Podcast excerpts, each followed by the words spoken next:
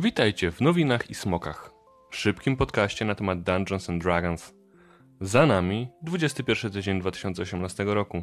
Przed nami nowości z Unearthed Arcana, pierwsze wrażenia z Mordecai and Tom of Foes i highlight tygodnia z DM's Guild. Zapraszam!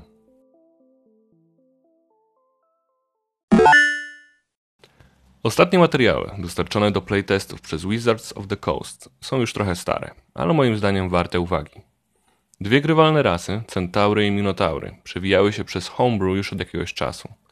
PDF z zasadami dostępny jest do pobrania na oficjalnej stronie Dungeons and Dragons. Link znajdziecie także w opisie podcastu. Z ciekawostek, obie rasy zdecydowano się utrzymać w rozmiarze medium zamiast oryginalnego rozmiaru large. Autorzy dodali też zupełnie nową mechanikę Hybrid Nature, która pozwala na granie postaciami posiadającymi dwie równoważne creature types.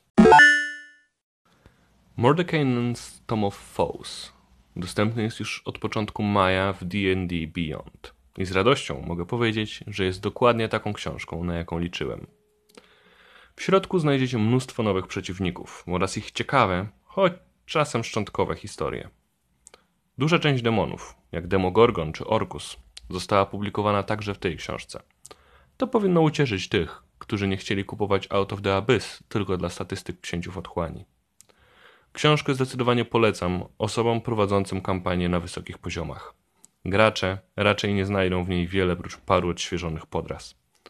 Premiera wersji drukowanej zaplanowana jest na 29 maja 2018 roku.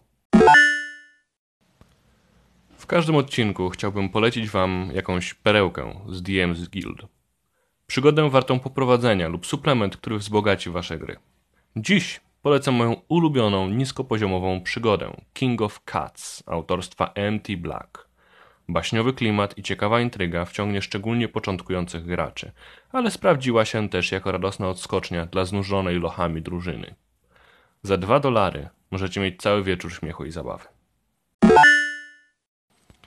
Linki do wszystkich materiałów, o których dzisiaj mówiłem, znajdziecie w opisie podcastu.